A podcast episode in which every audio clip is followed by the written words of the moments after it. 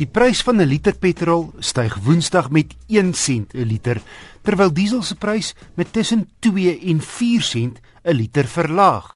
Laer oliepryse is deur die verswakking van die rand teëgewerk. Dis Kubai aan die Johannesburgse internasionale motorskou. Maar welkom aan die Suid-Afrikaanse motorfees wat volgende jaar einde Augustus vroeg September by die opgeknapte Kailami plaasvind, geleë tussen Johannesburg en Pretoria. Die motorfees gaan geskoei wees op die hoogs suksesvolle Goodwood Festival of Speed in Engeland. 'n Luisteraar, Freddie Kalitz, skryf hy's op soek na 'n tweedehandse petrol battery aangedrewe voertuig en hy vra uit oor 'n gebruikte Toyota Prius is 80000 km vir so 'n hibriede motor 'n risiko in terme van die battery ensovoorts, vra hy. Ek gaan aanklop by my tegniese medewerker, die vryskut motorjoernalis Jake Venter. Wêreldwyd is daar heelwat stories al opgeduik van prese wat baie lank hou. Daar is byvoorbeeld hier motors in Amerika, veral Kalifornië waar skoonlig belangrik is, wat meer as 'n miljoen kilometer gedoen het, prese. So ek sê dat uh, om 'n kreus te koop op 80000 is nie 'n slegte idee nie. Die enigste nadeel is natuurlik die battery, maar die battery is ook vir homself 'n goeie 7, 8 jaar te hou. En dit jy waarskynlik 'n hele paar duisend rand kos, jy waarskynlik oor die 3000 rand. Want byvoorbeeld in die geval van die Nissan uh battery motor, koop jy die battery saam met die kan jy hierom net.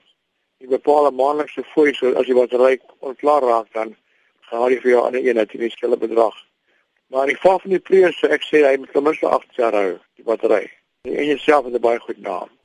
Jake, dan wil ek sommer oor 'n ander saak ook met jou gesels. Baie mense vertrek nou binnekort met vakansie en dit kan 'n skok op 'n ouer voertuig wees wat nou skielik volgelaai oor honderde kilometer ver in waarskynlik baie warm weer gebruik gaan word. Wat is die tipe goed waarna mens moet kyk voordat jy vertrek? Die hoeveelheid werk wat jy moet doen voordat jy huiswerk sal afhang van hoe jou motor gebruik deur die week.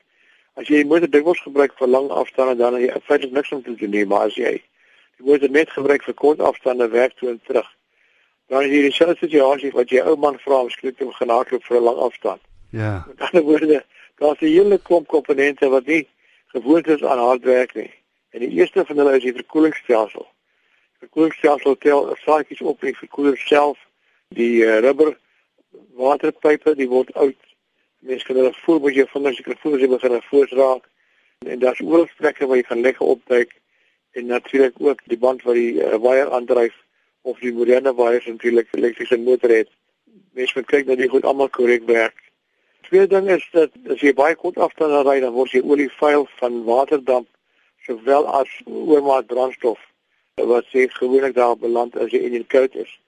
So as jy nou eers skielik op 'n lang afstand gaan ry dan klink sê jy moet na die eerste uur of 2 uur maksimum die olievlak bietjie nagaan want hy sal waarskynlik daal as gevolg van al die onsuiverhede wat nou verdamp het. En dan kan dit wees dat die olievlak so ver gedaal het dat jy nie genoeg olie het nie. Die volgende ding is elektriese komponente is baie lief om in te gee oor, oor die Kersfeestyd. Dink soos jou jou alternator wat die battery laai, battery self ook moet gedien word. Hy moet die krag hê en hy moet mooi skoon wees aan die buitekant en uh so aan. Die bande natuurlik moet regte druk hê voordat jy gaan ry, nie terwyl jy stop nie, maar voordat jy gaan ry moet jy die bande regte druk hê want jy kan nie die band check as hy warm is, jy gee jou vals lesing. En ook die wettige limiet vir 'n band se diepte is 1 mm in Suid-Afrika. En so mens moet daarna ook gaan kyk as dit minder as 1 mm is, dan kan jy in die moeilikheid beland of jy kan begin gaan op 'n natpad. En wat hier gebeur is in Suid-Afrika is dat daar instansies wat bande uitvoer vir ander lande byvoorbeeld die verre ooste waar die limiet 1.5 mm is, dan word hier verkoop as tweedehandse bande omdat hy 1.5 mm gesluit is en dan jy net al met mm oor vir jouself moet weggooi. So jy moet bande net koop by 'n maatskappy wat al lank in die, in die land is. Ja. Op straat ook nie. En die laaste ding is is die remskoene, die remskoene en die remblokkies moet in 'n goeie toestand wees.